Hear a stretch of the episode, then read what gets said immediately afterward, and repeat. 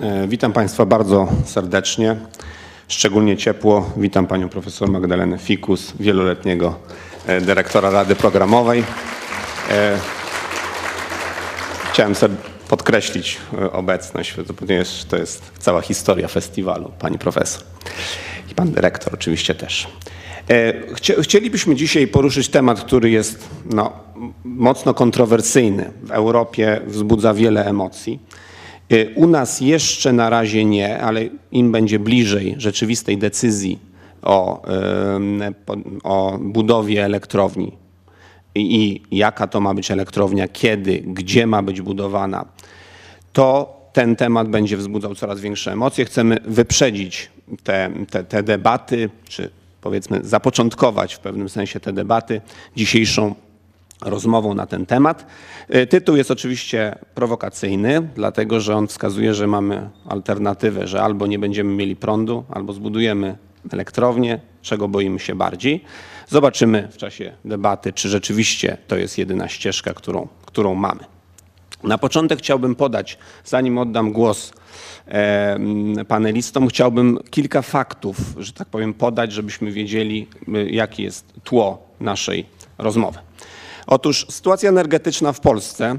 E, Polska prawdopodobnie jako pierwsza e, będą, będą takie prezentowane w każdym razie e, symulacje. Jako pierwsza z krajów Unii zacznie odczuwać istotne niedobory energii elektrycznej.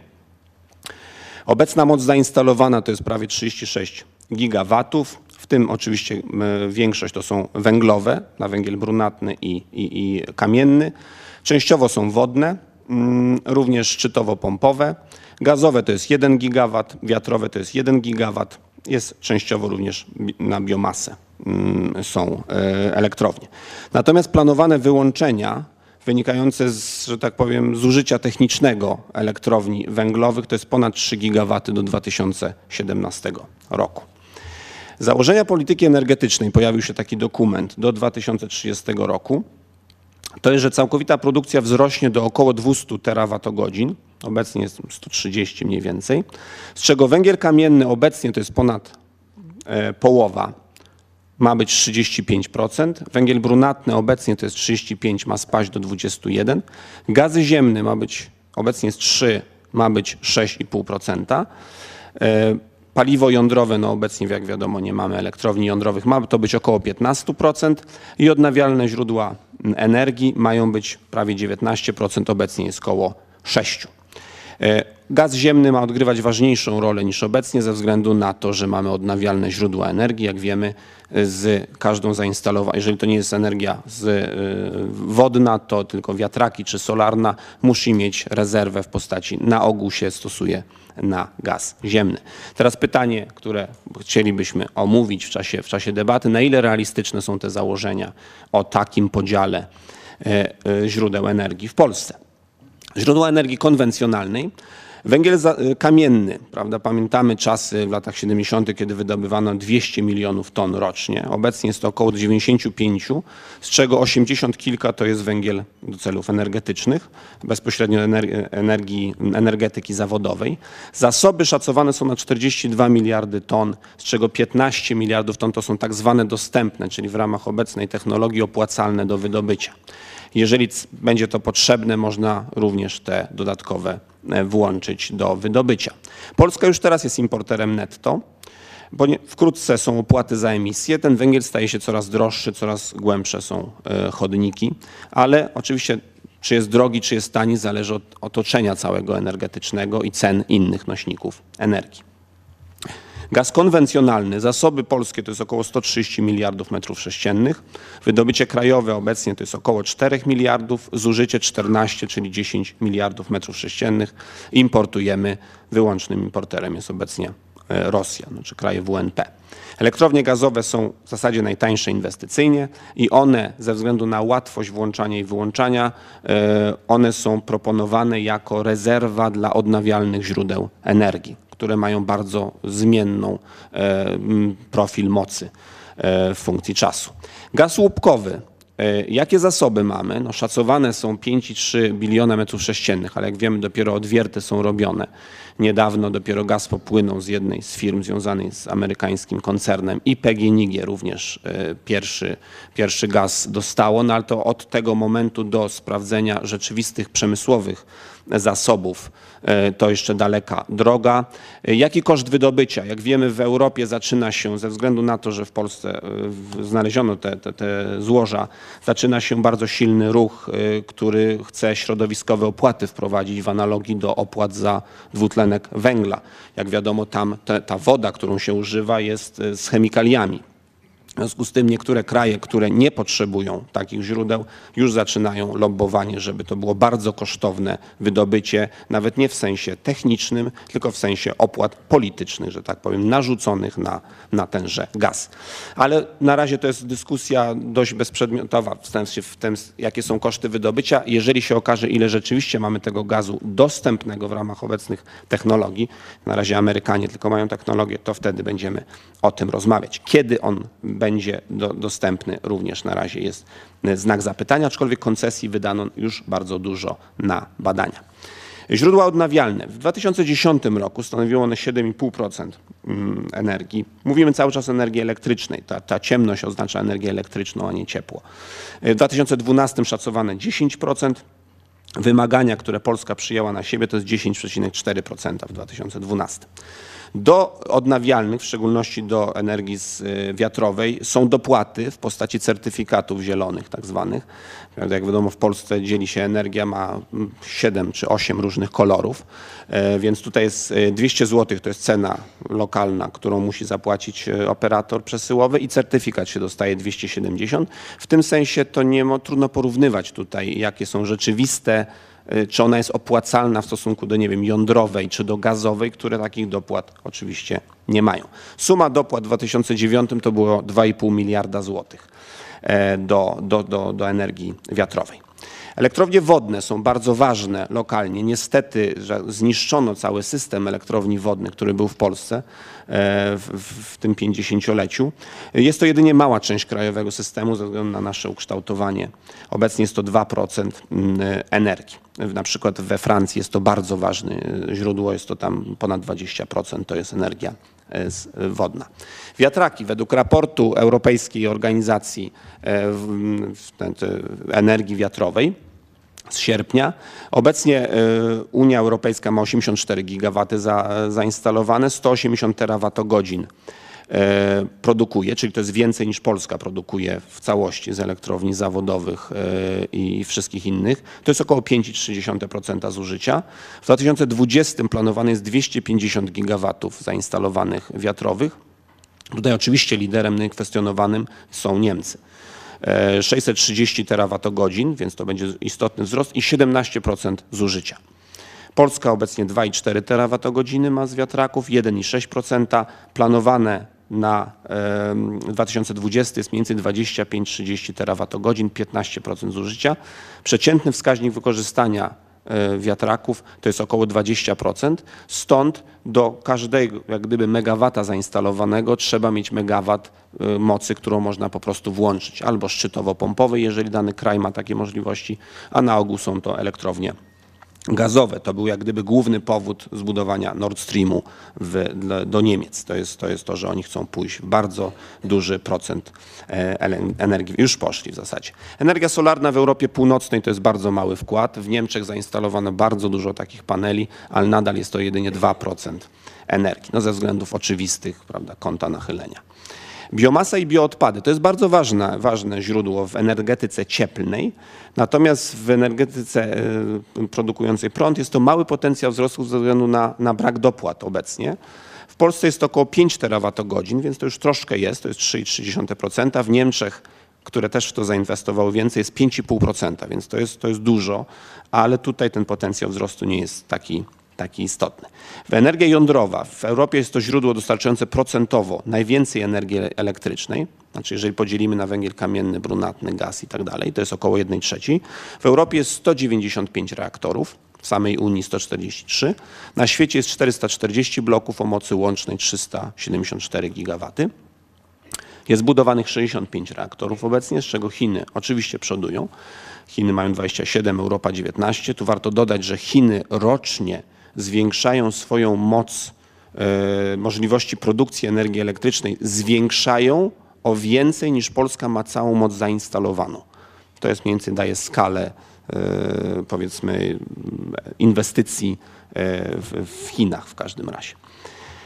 E, ceny produkcji. Będą jeszcze omawiane, tutaj rzucam tylko taką tabelkę, która porównuje. Tutaj są wiele założeń trzeba zrobić, żeby taką tabelkę na, napisać. Na przykład stopa zwrotu z e, inwestycji. Jak wiadomo energia jądrowa, no to są bardzo duże inwestycje na początek, po czym bardzo tanie paliwo. No ale zależnie od tego, jak ustawimy stopę e, zwrotu, znaczy stopę bankową e, odsetek, no to inaczej to wygląda po 60 latach, e, prawda, wiadomo. E, tutaj jest uwzględnione już opłaty za CO2, 30 dolarów i to są amerykańskie centy za kilowatogodzinę. No, do tego wrócimy, jeżeli będzie to w dyskusji potrzebne. Myślę, że to się pojawi jeszcze. Teraz pytania, które ma, stawiamy, które są do panelistów, które, które, które tak powiedzmy wymyśliłem, żeby, żeby one jakoś tam tę, tę naszą dyskusję powiedzmy ukierunkowały, to jest czy budowa elektrowni jądrowych rzeczywiście rozwiąże problemy energetyczne Polski i czy nie jest na to za późno.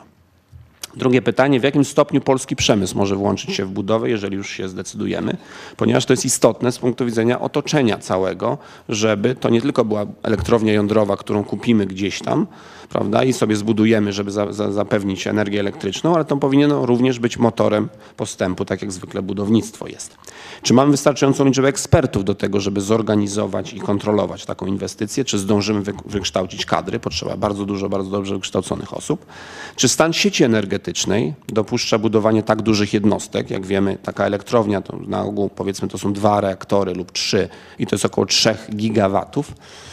Ile kosztowałaby modernizacja tej sieci, żeby móc takie duże jednostki budować? Czy to wskazuje na przykład w Polsce na potrzebę budowania mniejszych jednostek? No na razie na świecie buduje się duże, ale być może Polska powinna myśleć o tym, żeby jakoś w inny sposób tę energię jądrową produkować. Jakie miejsce dla nowych technologii, czyli reaktory wysokotemperaturowe? To różnie, różne, pod, pod, nazwą wysokotemperaturowych stoją różne rzeczy, albo do 600 stopni konwencjonalne, albo ponad 900 stopni, to już daleka przyszłość, produkujące wodór e, w sposób po prostu termiczny. E, czwartej generacji, czyli takie, które są na neutronach prędkich na przykład, czyli takie, które spalają odpady automatycznie, prawda? Problem odpadów znika, znika również problem niedoboru uranu i toru, ponieważ one mogą wypalać uran i tor, uran 238 i tor. Kogeneracja, czy na przykład w, wspólna produkcja energii elektrycznej i ciepła, takiego wysokotemperaturowego, czy nie zmieni w ogóle tych liczb, tak że to stanie się bardzo opłacalne. Co jest możliwe w Polsce? To jest pytanie, które chcielibyśmy zadać. Jakie są zagrożenia dla tego programu ze względu na zarówno społeczne protesty, jak i gospodarkę odpadami, prawo atomowe, e, dopłaty unijne itd. Tak itd. Tak Jaki jest najlepszy podział tych różnych źródeł w przypadku Polski, e, w tym odnawialnych oczywiście, na ile powinniśmy pójść w kierunku powiedzmy Francji, która ma 75% z energii jądrowej, czy Niemiec, które stawiają obecnie E, w obecnej konfiguracji, w każdym razie przed wyborami, jedynie na energetykę, znaczy bardzo w, w kierunku energetyki odnawialnej i wyłączaniu e, reaktorów które skądinąd i tak są leciwe w Niemczech, więc to, to, to częściowo jest to, jest to uzasadnione czym innym niż tylko polityką. Co powinno stanowić podstawę niezależności i bezpieczeństwa polskiego systemu energetycznego? To jest kluczowe pytanie i e, zawsze należy o nim pamiętać, nawet rozpatrując kwestie ekonomiczne społeczne, środowiskowe, powinniśmy mieć to pytanie przed oczami. To znaczy, co jest niezależnością, co, co, co stanowi podstawę, na jakim źródle się oprzeć, żeby ta niezależność energetyczna, która w obecnym świecie, w którym na szczęście nie zagraża nam na razie, tak się wydaje, nieza, nieza, zagrożenie niezawisłości innej, to niezawisłość energetyczna jest rzeczą niesłychanie ważną. I to pytanie mm, prosiłbym mm, panelistów o, o odniesienie się do tego. I chciałbym na tym skończyć taki, taki przegląd. I e, prosiłbym, znaczy to może zorganizuję w ten sposób, że dam powiedzmy 10-15 minut po kolei panelistom, potem chwilę na odpowiedź na, na ewentualne pytania, czy, czy, czy, czy, czy brak zgodności co do, co, do, co do interpretacji, czy też mam nadzieję, że nie co do faktów, tylko co do interpretacji. E, I potem byśmy jakieś takie podsumowanie zrobili, poprosili Państwa o jakieś pytania na koniec. E, w związku z tym proszę teraz e, profesora Wrochnę o, o, o wypowiedź. Ja włączę może to, co tutaj tak i tutaj jest jakiś taki na ogół pokaz slajdów. Na ogół to działa. Hmm, wyświetl pokaz. Proszę bardzo.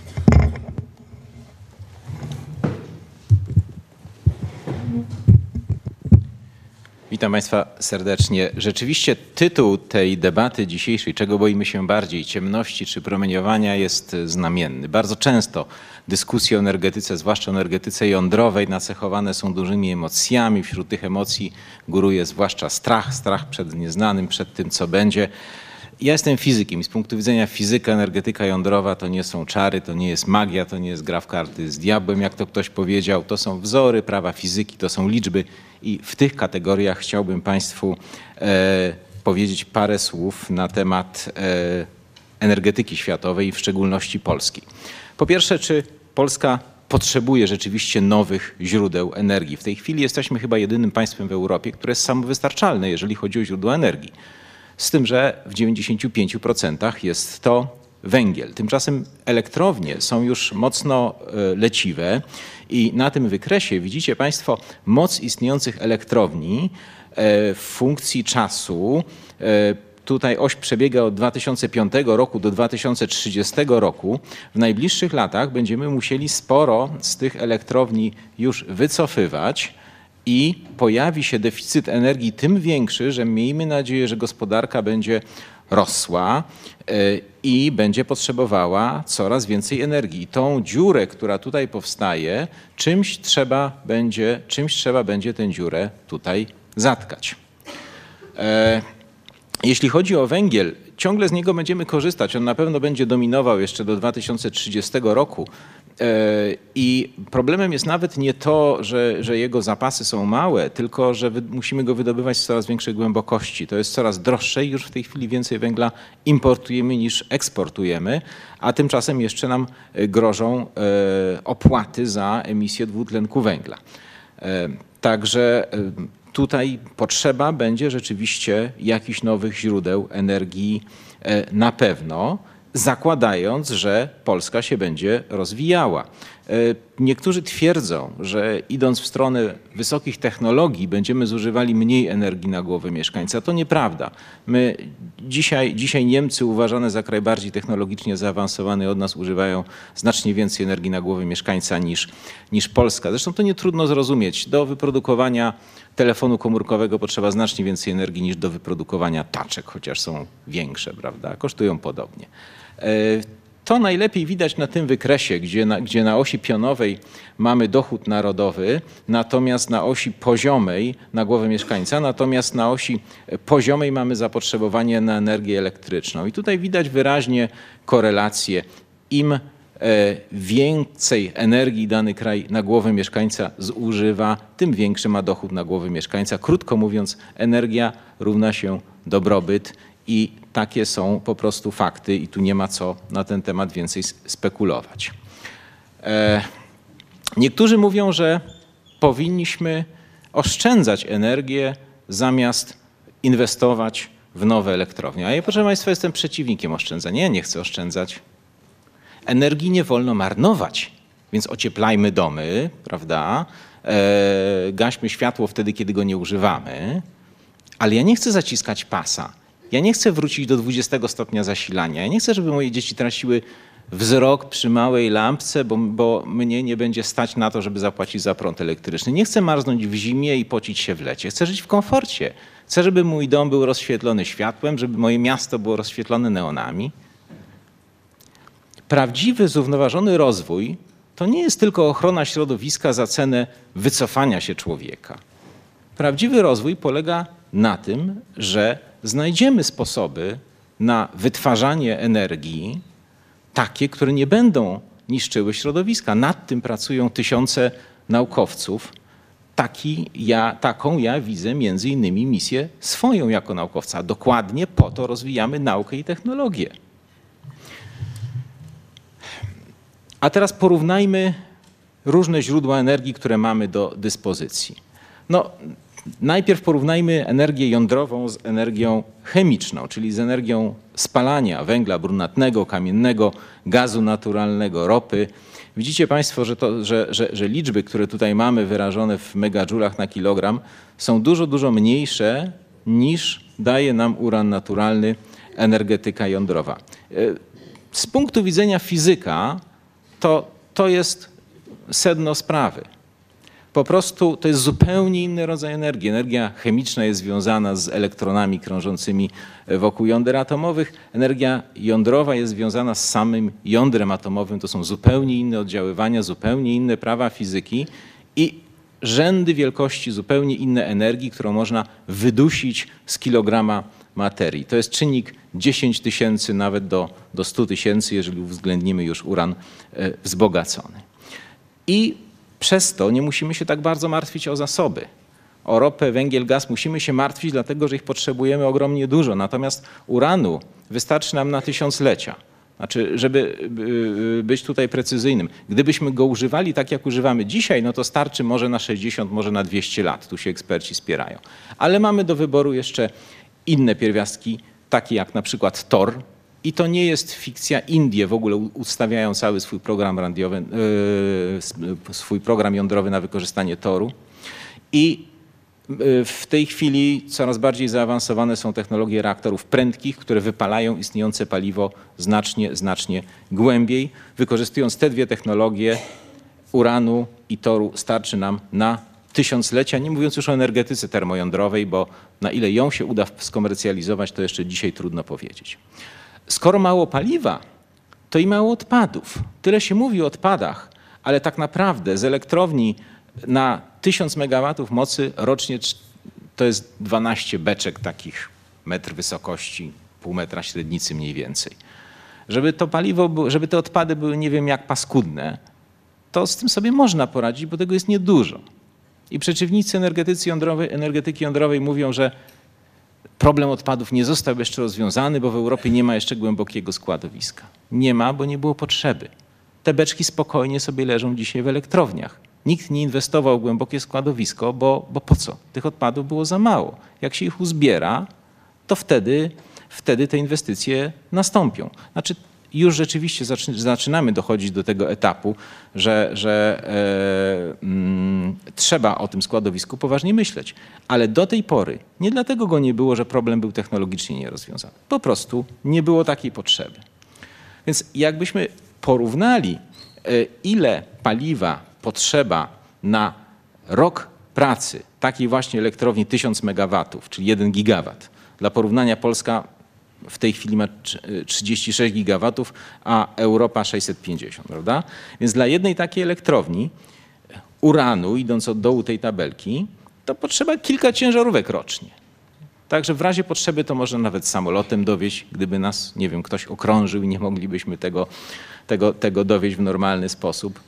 Tego paliwa po prostu potrzeba bardzo niedużo, podczas kiedy węgla potrzeba dwa pociągi dziennie. Dziennie. Tutaj mówimy ciężarówki rocznie, a tu pociągi dziennie. I oczywiście odpadów jest proporcjonalnie do tego. No, podobnie z innymi źródłami, tutaj porównałem, prawda, i y, ile, ile to by, by trzeba gazu, kilometr sześcienny ponad, prawda, e, z energii słonecznej przy dzisiejszej technologii to jest, to jest ponad 20 kilometrów kwadratowych i tak dalej, i tak dalej. Więc widać wyraźnie, że to są przewaga, którą daje energetyka jądrowa, to jest ta olbrzymia koncentracja energii i stąd się bierze jej relatywnie niski koszt. Tutaj na wykresie macie Państwo nie jedną analizę, ale kilkanaście analiz prowadzonych przez różne ośrodki, i takie jak OECD, i Komisję Europejską, i nasze polskie firmy, e, które pokazują, e, idąc od lewej, e, cenę energii jądrowej, gazu, węgla, biomasy, wiatru, cenę energii elektrycznej pochodzącej z tych źródeł. E, No, co tutaj, co tutaj widać e, na tym wykresie? Że rzeczywiście no, energia wiatrowa jest zdecydowanie droższa, ale już jak porównamy jądrową i, i, i ze spalania gazu, no ze spalania gazu jest tylko trochę droższa. Ona będzie sporo droższa, jeżeli będziemy musieli płacić te limity CO2, ale na dzień dzisiejszy ona jest niewiele droższa. Dlatego tak naprawdę wybór między energią jądrową a, a- a gazem dzisiaj to jest tak naprawdę wybór między dwoma różnymi modelami biznesowymi. Y, W energetyce jądrowej musimy dużo pieniędzy wyłożyć na początku. Niektórzy mówią, że to jest wada, ale inni mówią, że to jest zaleta, dlatego że jak my je wykładamy na początku, to wiemy ile. Większy, większa część całej inwestycji znana jest od razu na początku. Biznesplan jest po prostu łatwy do, do zrobienia. A potem eksploatacja jest bardzo tania. Niektórzy mówią, że w elektrowni jądrowej to, to tak naprawdę elektrownia to działa na ludzki intelekt, na technologię, prawda? Bo 95% kosztów to jest, to jest technologia, to jest to, co człowiek wymyślił, a tylko 5% ceny energii to, to, jest cena, to jest cena paliwa. No to nam też daje oczywiście bezpieczeństwo dostaw. Tak jak powiedziałem, można przywieźć ciężarówką, można przywieźć samolotem. W elektrowni gazowej jest dokładnie odwrotnie. To jest stosunkowo mała inwestycja. Nie trzeba mieć dużych pieniędzy, żeby wbudować elektrownię gazową. Budują się relatywnie szybko. Więc jak chcemy, żebyśmy szybko mieli zwrot pieniędzy, to elektrownia gazowa jest lepsza. Natomiast na dłuższe lata jest to biznes o tyle niepewny, że paliwo jest drogie, stanowi większość kosztów tak naprawdę energii elektrycznej. E, Czy dostawy będziemy mieli cały czas? Wiemy, że różnie to bywa. Jakie będą ceny, to też na 20-30 lat jest trudno, jest trudno y, przewidzieć. W związku z tym, jak widzicie Państwo, jeden i drugi model mają swoje wady i zalety. I po prostu jedne firmy wolą taki model, drugie inny. Z elektrownią wiatrową jest trochę inaczej. Bo tutaj z jednej strony potrzebna jest duża inwestycja w budowę. Tu znowu paliwo jest, że tak powiem, tanie, paliwa, paliwo jest za darmo, bo to wiatr wieje, ale musimy uwzględnić koszty remontów i napraw. Natomiast e, potrzeba inwestycji w budowę to jest większa inwestycja niż w przypadku energetyki jądrowej, jeżeli myślimy o tej samej mocy, ale co najważniejsze, wiatr nie wieje przez cały czas. I 80% mocy, którą mamy wbudowaną w wiatrakach, tak naprawdę musimy mieć jakąś rezerwę i tą rezerwą są najczęściej elektrownie gazowe. I to one dają te 80 dzisiaj procent mocy nominalnej, tej, którą, którą wybudujemy w wiatrakach, bo wiatraki średnio w tej chwili tylko przez 20% czasu dają energię. Także dzisiaj energia jądrowa jest opłacalna tylko dzięki dotacjom. W związku z tym, w co powinniśmy inwestować? Polska nie ma wyboru. My musimy inwestować po prostu we wszystko, co się da. Ciągle musimy budować nowe elektrownie węglowe, bo ten węgiel mamy i go będziemy mieć i musimy się starać utrzymać mniej więcej na stałym poziomie jego wydobycie i produkcję energii elektrycznej z węgla. Źródła alternatywne wszelkiej maści, oczywiście musimy w to inwestować, bo te szczęki się rozwierają i każde źródło jest dobre, ale to nam nie pokryje więcej niż 20%. I energetyka jądrowa też, pełną parą, ale gdybyśmy budowali nie wiem jak szybko, to też samą energetyką jądrową tej dziury nie zatkamy. Więc w Polsce my nie mamy wyboru, po prostu musimy inwestować we wszystko, co się da. Ale już w Niemczech jest inaczej. Niemcy mogą sobie wybierać między energetyką jądrową albo wiatrową plus gazową, bo to tak jak powiedziałem, to jest jeden pakiet. Niektóre elektrownie jądrowe u nich już mają y, swoje lata i tak musiałyby być zamknięte za kilka lat i wymagałyby poważnych modernizacji. Natomiast gazu będą mieli pod dostatkiem, bo będzie płynął przez Nord Stream w tej chwili. Więc u nich ten wybór wygląda zupełnie inaczej. Proszę Państwa, oficjalnie się mówi, że to po Fukushimie te decyzje zostały podjęte, żeby zatrzymać energetykę jądrową. To jest tylko pretekst. Nie opłacałoby się budować Nord Streamu, gdyby nie zakładać tego, że będą wyłączone elektrownie jądrowe i będą zastępowane oficjalnie elektrowniami wiatrowymi, ale tak naprawdę elektrowniami gazowymi. Niemcy rozpoczynają w tej chwili budowę 11 gigawatów elektrowni właśnie e, gazowych. To oczywiście, także, także to jest po prostu przejaw brutalnej walki o rynek energii. Wiadomo, że wiatr i gaz będzie droższy i do roku 2020 to będzie około dla Niemiec 250 miliardów euro więcej, czyli ich dochód narodowy rocznie zmaleje mniej więcej 1,1 do 1,2%. I to w sytuacji kryzysowej. Ale biznes się będzie kręcił, a zapłacą końcowi odbiorcy. Tak to wygląda. Wspomniałem o Fukushimie. Mówiłem, że to jest pretekst. E, Proszę Państwa, pytanie o bezpieczeństwo są jednak bardzo ważne. Wszyscy, wszyscy te pytania zadajemy sobie. Ale pytanie, czy energia jądrowa jest bezpieczna, jest źle postawiona. Bo nie ma energii bezpiecznej albo niebezpiecznej. Są tylko urządzenia, które są dobrze zaprojektowane i dobrze wykonane, albo źle zaprojektowane, źle wykonane. Można zbudować niebezpieczny reaktor i go wysadzić w powietrze nieodpowiedzialnym zachowaniem, i to się stało w Czarnobylu, a można zbudować reaktory bezpieczne. Mamy kilkanaście tysięcy reaktorolat pracy bez żadnego w zasadzie tragicznego, tragicznego wypadku.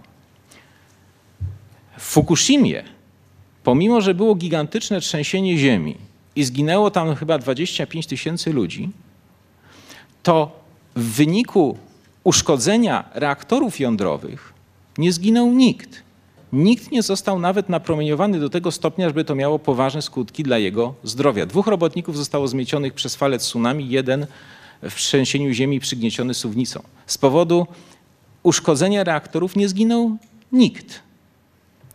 A 40 reaktorów bez przerwy dostarczało energię, podczas kiedy elektrownie gazowe nie działały, bo gazociągi były poprzerywane, węglowe nie działały, bo pociągi nie mogły dowozić węgla.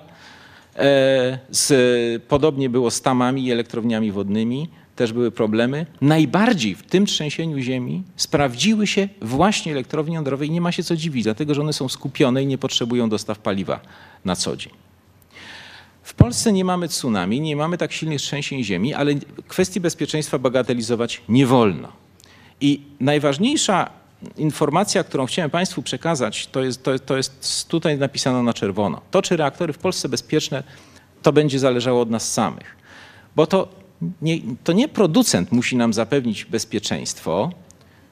Producent będzie wygrany w przetargu. Przetarg wygra ten, kto dostarczy najtańszy reaktor spełniający nasze kryteria. Jak my sobie zażyczymy, żeby był odporny na 15-metrowe tsunami, prawda, to oczywiście, że nam sprzedadzą taki reaktor, tylko zapłacimy 5 razy więcej. Sprzedadzą jeszcze za tą ręce, że świetny interes na nas zrobili, prawda?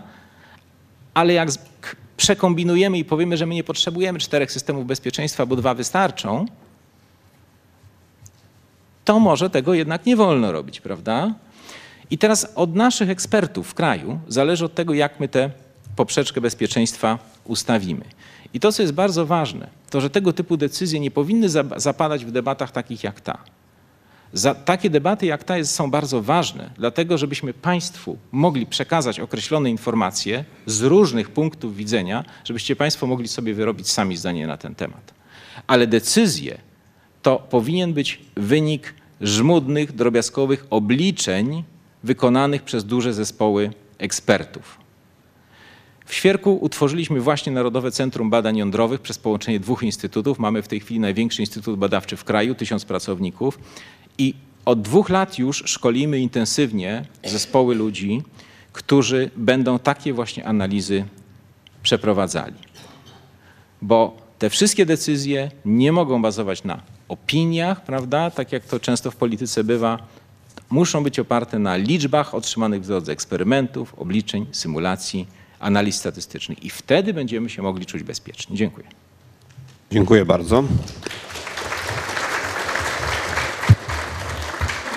Zanim przekażę głos, chciałbym powiedzieć, że ta debata nie była pomyślana jako debata, powiedzmy, zwolennika energii jądrowej i przeciwnika energii jądrowej, tylko kogoś, kto przedstawia jakieś dane i kogoś, kto przedstawia być może inne dane, wyraża wątpliwości. Także to jest raczej debata, to nie jest debata zwolennika z przeciwnikiem. To od razu chciałem powiedzieć, żeby nie było wątpliwości. Bardzo proszę, pan Edwin Bendyk. Bardzo proszę. Dziękuję bardzo. Rzeczywiście będę jakby zacznę tam, gdzie pan profesor Rochna skończył, jakby pokazując właśnie co do tego, e, do tej analizy, tak, e, która ma posłużyć do podjęcia decyzji przez polityków, bo to oni muszą zrobić e, tak, tak naprawdę. Właśnie co trzeba wziąć pod uwagę. Ja sam jestem z wykształcenia chemikiem i, i, i jakby całe to, to tło o którym pan profesor mówił, związane z fizyką i technologią dotyczącą energetyki jądrowej. Mam nadzieję, że rozumiem i, i, i, i, nie tu jest problem, moim zdaniem, właśnie w debacie o energetyce jądrowej, czy w ogóle o przyszłości energetyki. Może tak, bo o tym mamy przecież rozmawiać, a, a e, energetyka jądrowa jest jedną z opcji, którą ewentualnie wykorzystamy, żeby rozwiązać problemy, e, które będą. I teraz patrząc na, na te problemy, No, trzeba uwzględnić, że też w ciągu ostatnich kilkudziesięciu lat coś się zmieniło, co, co socjologowie opisujący przemiany społeczne, na przykład jest taki niemiecki socjolog Ulrich Beck nazywa jakby po, pojawienie się społeczeństwa ryzyka, czyli świadomości tego, że dzisiaj żyjemy w świecie, w którym dawne pojęcie losu, fatum zastąpiło ryzyko, które jakby związane ze rozwojem systemów technicznych tak? i które jest, jest e, sami w dużej mierze wytwarzamy. No ale jak każde ryzyko, ryzyko jest policzalne oczywiście. Prawda? I teraz de- podejmowanie decyzji na poziomie społecznym, od, od poziomu jednostkowego, decyzja o kupnie domu, prawda? zaciągnięcie hipoteki i tak dalej, to jest ciągła kalkulacja tego, czy mnie się to wszystko złoży i czy za 20 lat jeszcze będę w stanie spłacać ten kredyt, czy nie. Czasami tego nie robimy oczywiście i potem płaczemy i, i chcemy, żeby rząd pomógł na przykład w spłacie kredytu we frankach, bo nie przewidzieliśmy, że ryzyka zmiany kursu, prawda? Ale, ale każdy tak naprawdę taką świadomością żyć powinien i podejmując decyzję indywidualną o zakupie domu, czy społeczne decyzje o e, właśnie chociażby inwestycjach w system energetyczny, no, muszą być oparte na kalkulacji. Z taką świadomością też właśnie, że nie ma niewinnych technologii. Każda technologia jest obarczona ryzykiem, niezależnie jaka będzie. I to można ciągnąć rachunkiem ciągnionym, pokazywać, y, że rzeczywiście, jeżeli policzymy ilością ofiar śmiertelnych, no to y, nie megawat wyprodukowane y, mocy z, energetyki jądrowej wtedy do, najmniej przyczynił się w tej chwili do, do ofiar śmiertelnych i te, ten rachunek, czy ten element rachunku jest, jest w miarę oczywisty. Chyba najbardziej niebezpieczne są elektrownie węglowe, jeżeli policzyć ilością zarówno górników, którzy zginęli, jak i skutkami zdrowotnymi dla społeczeństwa na skutek emisji szkodliwych gazów i tak dalej. Więc to, to wszystko jest opisane, więc tutaj nie ma jakby co. Natomiast właśnie świadomość, że każda technologia jest obarczona ryzykiem, no jest, jest, e, po- pozwala właśnie dopiero racjonalną dyskusję. Znaczy najgorsza jest sytuacja taka, kiedy mówisz, że nie ma alternatywy, prawda? Że kiedy zwolennicy jakiejś opcji mówią, że ta jest jedyna i słuszna, bo na przykład jest naturalna albo jakaś, no wiemy, że tak nie jest. Y, Tu, to, to ostatnio mnie za- zafascynowały obliczenia one są dyskutowane w tej chwili, ale przeprowadzone w, Niemczech, dotyczące skutków na przykład termodynamicznych rozwoju energetyki wiatrowej. Gdyby przyjąć hipotetyczny model, że cała moc wyprodukowana na świecie byłaby zastąpiona przez energetykę wiatru i fal morskich. Okazuje się, że efekt termodynamiczny po prostu byłby taki, że temperatura Ziemi podniosłaby się. Prawda? No bo po prostu nie da się oszukać termodynamiki. Tam teraz można się spierać e, co, i, i tam szczegół, jakby spór jest do, do, dotyczący samych szczegółów obliczeń, ale, ale jakby to przypomina, że, że właśnie nie ma, nie ma działań bez konsekwencji. I ta świadomość właśnie pozwala, e, czy, czy zmusza do tego, żeby jak najwięcej danych, informacji ściągnąć. No i to, co chciałbym jakby po, po, pokazać, no to, to właśnie te, te składowe, które musimy wziąć, yy, policzalne, ale nie tylko wynikające z analizy ryzyka technicznego, bo tutaj w dużej mierze pan profesor mówił właśnie o ryzyku technicznym związanym z energetyką jądrową. To jest jeden z aspektów, ale nie jedyny oczywiście. I teraz jeżeli mówimy o kolejnym, o ryzyku społecznym, można by tak nazwa, nazwać, to jest ta świadomość jakby postrzegania ryzyka, kreowana w, różny sposób. To jest bardzo złożony proces, nad którym w tej chwili pracują antropologowie i socjologowie, próbując wyjaśnić, w jaki sposób my zamieniamy to, co da się policzyć, na to, jak postrzegamy, prawda, jako ludzie ryzyko. I dlaczego na przykład uważamy, że rekiny są bardziej niebezpieczne od świń, skoro świnie zabijają więcej ludzi niż rekiny, prawda? Y, I to jest policzone, ale co z tego, że policzone, jest, skoro boimy się na filmach o rekinach, a nie na filmach o świniach, prawda? I to jest pewien fakt, no, z którym możemy się zrzymać, możemy ludziom mówić, że jeszcze to oświecenie nie wykonało swojej roboty, no ale no, no tak jest. Y, I, I to samo niestety musimy uwzględniać, y, analizując ryzyko rozwoju systemów technicznych, również energetyki jądrowej, że postrzeganie tego ryzyka jest niespółmierne do rzeczywistego ryzyka technicznego. To się po prostu zamienia potem na decyzje polityczne, czy chociażby na to, jak politycy odczuwają atmosferę społeczną i to powoduje chociażby to, że energetyka jądrowa jest w tej chwili, niedługo węgiel dołączy, ale na razie energetyka jądrowa jest, jest jedyną technologią wytwarzania energii, której koszty rosną, a nie maleją. Znaczy rosną ze względu na to, że po każdej awarii zwiększa się oczekiwanie no, zmagania systemów bezpieczeństwa. Czy to jest racjonalne, czy nie, to jest inna sprawa, ale po Fukushimie wiemy, że trzeba będzie reaktory inaczej budować, i co zwiększy ich koszt. Także no jest, to, jest to jedyna technologia właśnie, która wraz z uczeniem się, której koszty rosną za, zamiast y, maleć. A to jest skutek w dużej mierze właśnie tego powiedzmy ry- ry- ryzyka społecznego, które dobrze jest uwzględnić politycy uwzględniają w swoich kalkulacjach, natomiast często eksperci ze świata techniki bagatelizują, dlatego no, każdy jest ekspertem w swojej dziedzinie, nie musi prawda, od, od całego spektrum e, analizować. Ale idźmy dalej. E, No, ryzyko ekonomiczne. Tu, I tu, jeżeli konkretnie jeśli chodzi o Polskę, to jest, jest, jest sprawa dosyć e, ciekawa i problematyczna. Otóż, e, tu zresztą było wspomniane, że my odczujemy pierwsze niedobory mocy w 2016-2017 roku. No i jest pytanie, jak wtedy uniknąć blackoutów. I, I w tak krótkim czasie w zasadzie są trzy rozwiązania. No pierwszy import, bardzo problematyczny, bo nie jesteśmy podłączeni praktycznie do systemu europejskiego energetycznego. Brakuje tak zwanych interkonektów, które by były w stanie wystarczającą ilość mocy przetransferować. Być może w ciągu 3-4 lat dałoby się, chociaż rozbudowa sieci energetycznej zdaje się jest bardziej skomplikowana niż budowa samej elektrowni no to jest gorzej niż z autostradą po prostu ze względu na właśnie wy- wywłaszczenia i tak dalej. Proces niezwykle kosztowny i skomplikowany, więc tu jest problematyczne rozwiązanie, ale chyba niezbędne, żebyśmy się jednak podłączyli do, do, y, jakoś do, do Europy. Kolejne no to jest gaz. Tak czy inaczej, stąd właśnie w tej prognozie, znaczy w- planie energetycznym Polski przewiduje się wzrost mocy gazowych, bo one właśnie będą potrzebne w najbliższym czasie. Są najkrótsze inwestycje, do trzech lat mniej więcej się szacuje, że, że można zainstalować porządną elektrownię gazową, więc, więc raczej to, to, tego nie unikniemy. No i, i trzeci czynnik, który oczywiście szybko y, się nie uruchomi, ale można stopniowo y, odpowiednimi bodźcami, decyzjami, no to jest efektywność energetyczna. Tutaj są duże rezerwy, bo, bo opłacalne ekonomicznie w Polsce działania na rzecz efektywności to jest 6 gigawatów do, do, do zaoszczędzenia, prawda? czyli no, te dwie elektrownie atomowe planowane mniej więcej. E, No i to, to trzeba jakby będzie, będzie uruchamiać zaraz. Prawda? To, co wiemy dalej, patrząc nie na deklaracje rządu, ale na pewne realne działania, czyli na przykład tak zwana lista derogacyjna. To jest lista instalacji, które my w ramach e, Paktu Klimatyczno-Energetycznego musimy zgłosić do końca tego miesiąca do Komisji Europejskiej, po to, żeby ubiegać się o przydziały bezpłatnych e, emisji dwutlenku węgla. Na tej liście jest 11 wielkich inwestycji. Nie wiadomo, czy komisja je przyjmie, dlatego że tam są trochę zachachmęciliśmy, bo zadeklarowaliśmy, że już budujemy te inwestycje.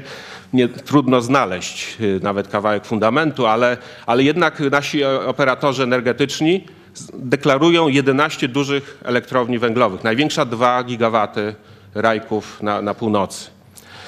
No i teraz, jeżeli to jest, to jest trochę twardszy fakt niż ciągle energetyka jądrowa. Problem na, na czym polega? No, najwcześniej, kiedy jesteśmy w stanie elektrownię atomową zbudować, na pewno nie w 2020, tak jak deklaruje rząd, bo to jest z wielu względów, chociażby inżynier, no nie w sytuacji tego kryzysu, jaki teraz widać, że wraca, przy- sytuacji państwa, które nie jest w stanie gwarancji kredytowych udzielić chociażby e, operatorowi, no, będzie trudno zmontować finansowo, e, tak żeby no, w tym, czasie 2020 zrobić, czyli powiedzmy 25 no, realna data. Więc tak jak, jak popatrzeć na, na wyliczenia ekspertów od energetyki, y, chociażby obliczenia profesora Krzysztofa Żmijewskiego, one pokazują na jeden problem, jak się pojawi w 2030 roku.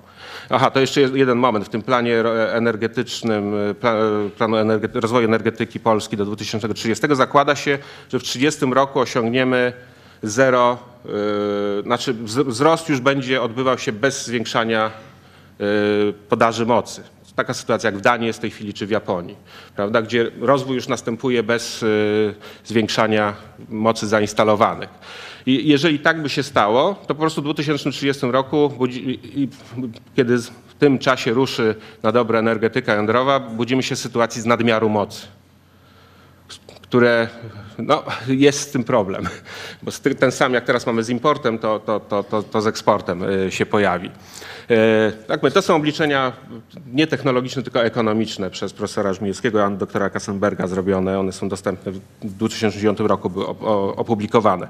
Skutek jest taki, E, No, wiele jest konsekwencji takiej sytuacji, jeżeli ci eksperci mają rację. Ja nie, nie spotkałem jakiejś frontalnej krytyki tych obliczeń, ale być może jest. To nie, nie, nie mówię, że, że, że nie mo, może występować. Natomiast e, skutek jest wiele skutków. To znaczy tak, że jeżeli zainwestujemy w technologię, no, której czas amortyzacji jest 60 lat co najmniej, tak? te najnowsze technologie jądrowe to zdaje się tyle są przewidziane ich, ich, ich czas, czas amortyzacji, no automatycznie y, politycy i przedsiębiorstwa energetyczne są zainteresowane no właśnie pełną amortyzacją. Nie mają żadnych bodźców do rozwoju alternatywnych technologii. Po prostu ani nie będzie na to środków, ani motywacji, bo po prostu będzie nadmiar energii. Co, co zachęci nas do, do tego, żeby szukać y, nowych źródeł. W tym samym czasie to widać chociażby z raportu Międzynarodowej Agencji y, Energetyki z zeszłym roku. Taki był y, Technological Outlook, taki raport pokazujący o portfelu technologii, jakie będą się rozwijały.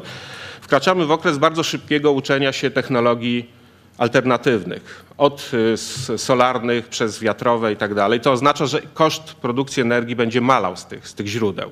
Które z nich są dostępne w Polsce, to jest inna sprawa. Tu pan profesor pokazywał, że, że oczywiście nasz, nasz wybór jest bardziej ograniczony niż na przykład Chińczyków, którzy mają większy potencjał y, środowiska do, do, do uruchamiania tych elektrowni atomowych, ale w każdym razie no, sami możemy wyłączyć się z tego jakby skorzystania z renty rozwoju nowych technologii, które będą szybko dojrzewać i które w ciągu dwóch dekad mogą być e, bardzo obiecującym, mogą, gwarancji nie ma, to jest proces innowacyjny i oczywiście nie ma, ale tak jak, jak historia pokazuje, no jest korelacja między strumieniem inwestycji w rozwój nowych technologii, które są, tylko wymagają właśnie e, wzmocnienia Sami Chińczycy w tym roku około 40 miliardów dolarów czy 50 zainwestują w ten, w ten obszar.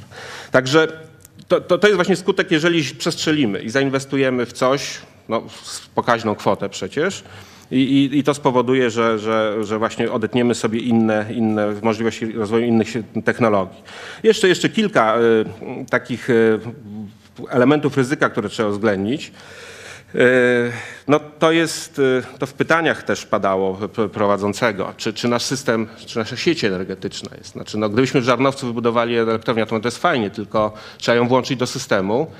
E, tu, tu, z kolei szacunki profesora Popczyka wskazują, że, że roz, zarządzał siecią energetyczną w swoim czasie, że rozwój, znaczy włączenie i budowa odpowiednich linii wysokiego napięcia, umożliwiające włączenie takiej instalacji, to jest około 70% kosztów tej inwestycji.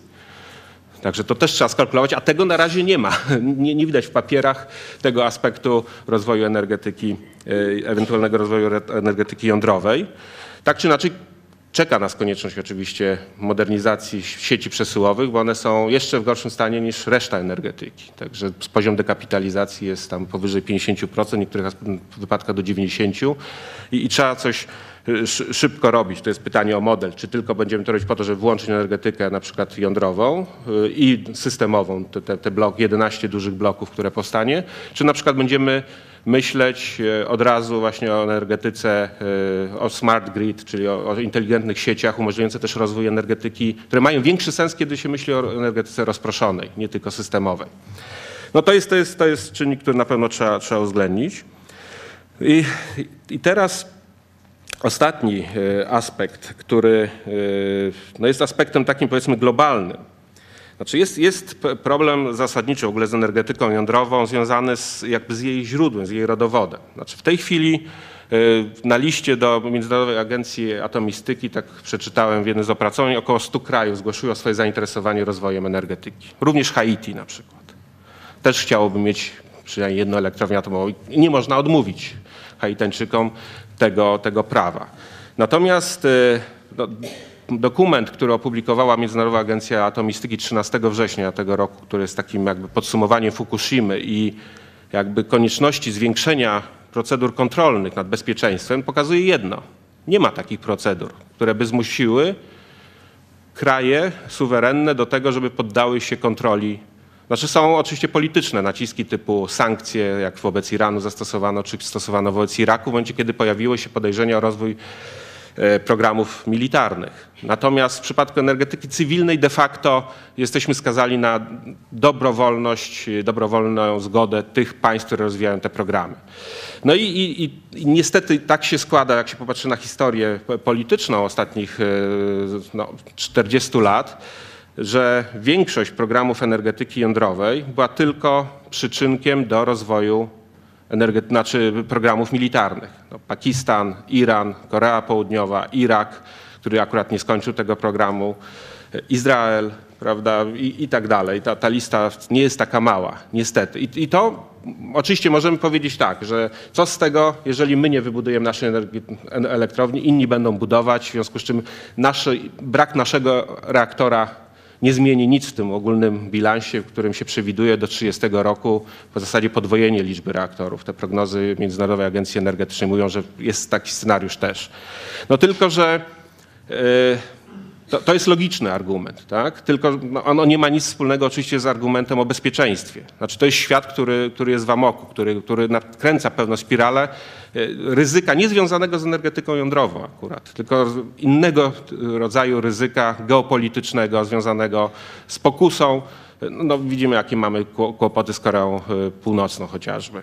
Także to, to, i to są te wszystkie te czynniki, które, które musimy wziąć y, do, do, do, do rachunku, y, czy politycy muszą wziąć do, pod uwagę, planując czy podejmując decyzje.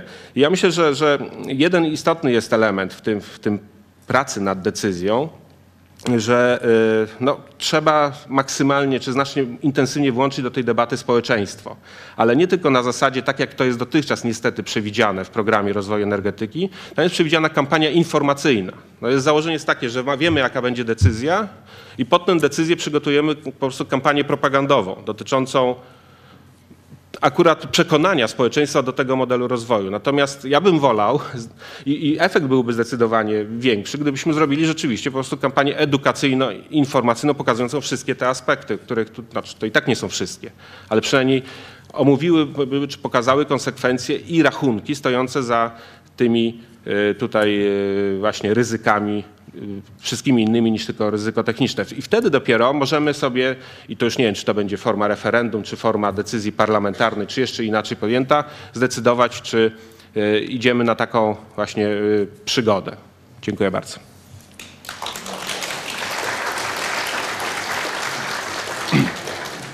Dziękuję bardzo. Czy jeszcze jakieś od y, chwilkę może prelegenci odpowiedzą sobie na, na, na, na, na pytania? Proszę bardzo, profesor Wrok.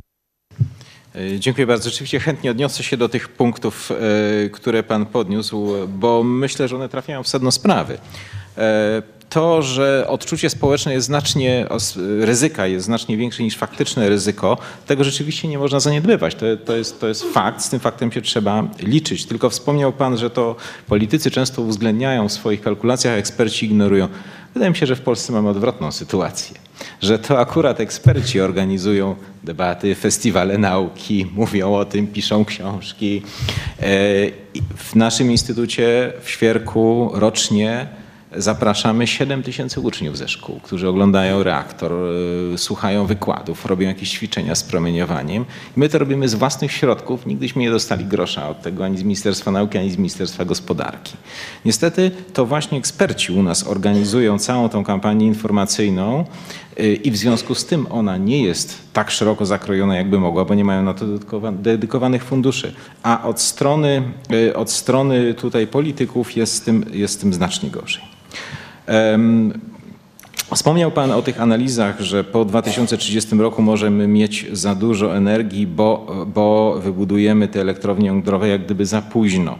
E, Tu wydaje mi się, że, że takiej obawy nie ma z dwóch powodów. Po pierwsze, że jednak ten program rządowy zakłada, że w roku 2030 te elektrownie atomowe będą już uruchomione. W związku z tym ten stały poziom już pomijając to, że ja nie wierzę w ten stały poziom, ale załóżmy, że nawet tak by się udało, to on będzie osiągnięty już dzięki tym elektrowniom jądrowym. E, Następna sprawa, czy to, że wybierając energetykę jądrową, inwestując w tej chwili na 60 lat do przodu, czy nie zamykamy drogi innym technologiom? No więc po pierwsze, na dzień dzisiejszy ta energetyka jądrowa jest przedsięwzięciem czysto komercyjnym. Wchodzi się w nią dlatego, że komuś się to opłaci, że ktoś w tym widzi dobry interes. Natomiast e, wiatr, prawda, biomasa, energia słoneczna w tej chwili pochłaniają gigantyczne dotacje. To jest u nas 2,5 miliarda złotych rocznie, to jest w Niemczech 13 miliardów euro rocznie. To są gigantyczne dotacje, więc w tej chwili to raczej te inne źródła, te, te, te nowe źródła odbierają pieniądze od tych podstawowych. Gdybyśmy te pieniądze przeznaczyli na budowę nowych elektrowni jądrowych czy gazowych, to, to mielibyśmy dużo tańszą energię i dzięki temu wydaje mi się szybszy rozwój gospodarczy Europa by była bardziej konkurencyjna. Ale jest też mocniejszy argument, mianowicie jakim technologiom byśmy tutaj e, odebrali prawo rozwoju. Otóż e, fizyka tutaj nam w zasadzie mówi o tym, jakie mamy dostępne źródła energii. Tak naprawdę w historii rozwoju ludzkości to były tylko trzy przełomy. Pierwszym było krzesanie ognia, Drugim było wykrycie ropy, znaczy wykorzystanie ropy naftowej, a trzecim energii jądrowej. I nie ma innych źródeł energii. No jest jeszcze energia termojądrowa przed nami, prawda?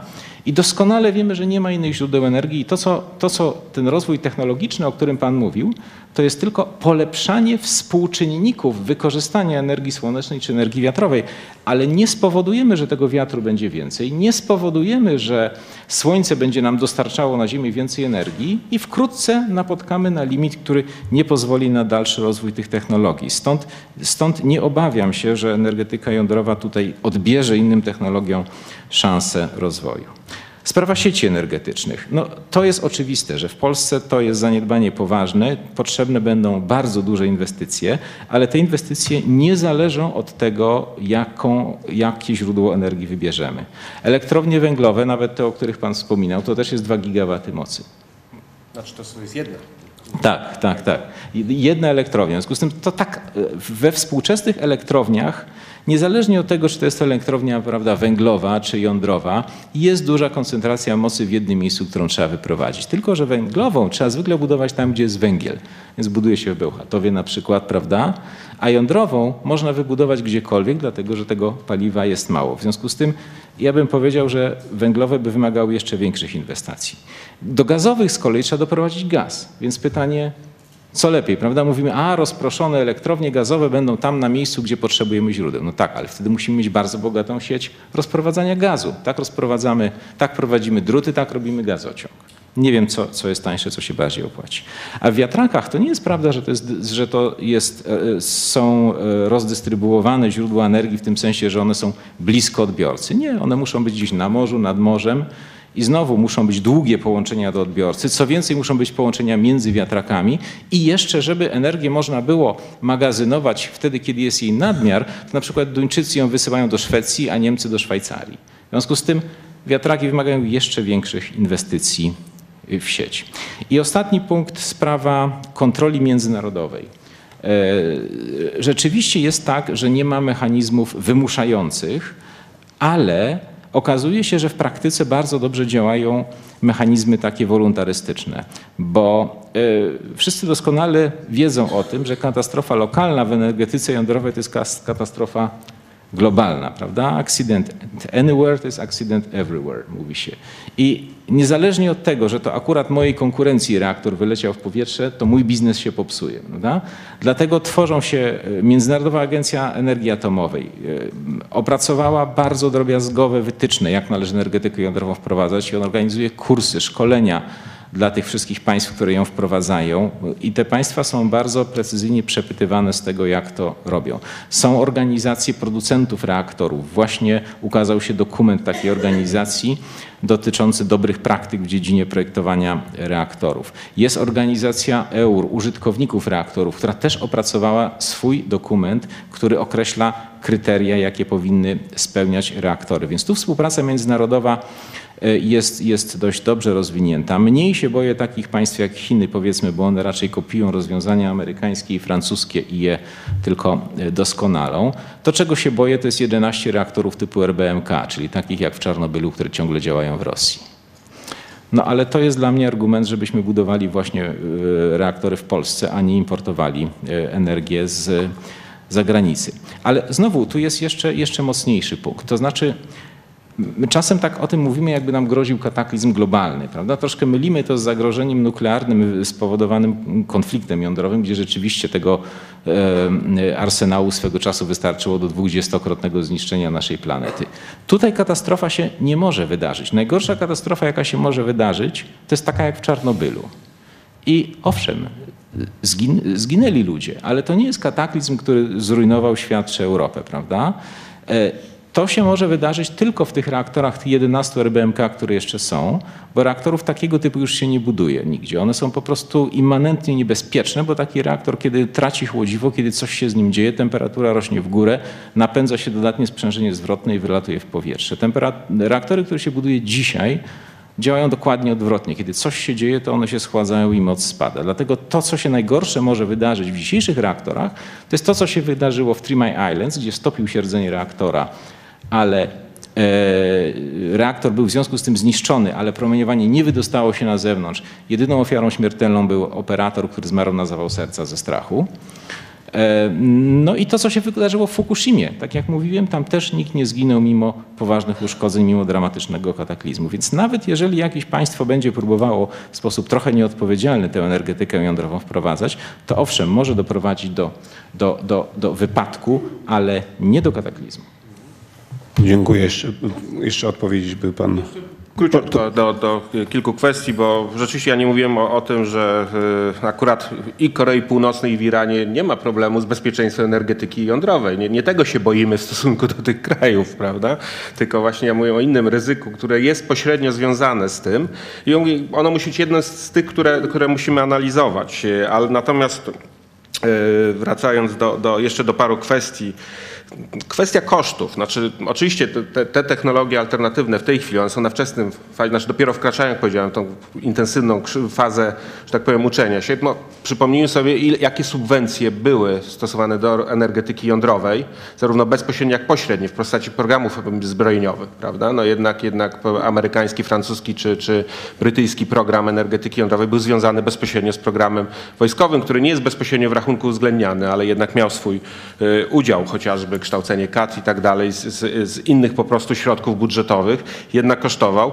No i inne koszty, chociażby związane z tym, że e, no w Fukushimie, owszem pod względem technicznym się nie stało, ale ekonomicznie e, to jednak państwo przejęło kontrolę nad elektrownią i państwo teraz musi zapłacić e, de facto, czy zobowiązać, czy, czy jakby dopokryć no, nieubezpieczalność tego typu katastrofy.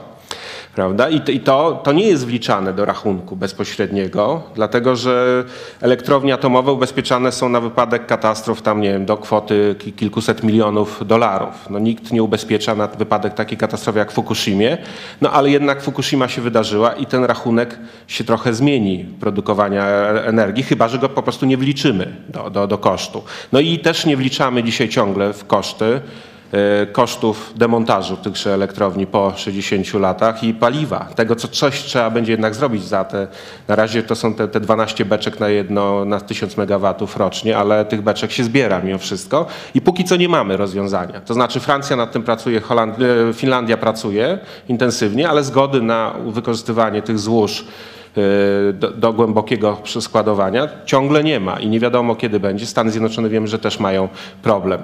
No, to, jest, to jest y, decyzja, której nie rozwiąże biznes. To jest koszt i decyzja, którą jakby podniesie całe społeczeństwo y, i, i też, też dobrze byłoby go wliczyć, wliczyć w każdą jakby kilowatogodzinę. I ostatni już aspekt to jest jeszcze ryzyka politycznego. Jeżeli mówimy o niemieckim pro, programie energetycznym, on miał różne motywy. Jednym z istotnych e, aspektów rozwoju energetyki alternatywnej w Niemczech było rozbicie monopolu e, operatorów tradycyjnych, tak, wielkich kompanii energetycznych, które po prostu miały zbyt duży wpływ nie na energetykę, tylko na politykę po prostu.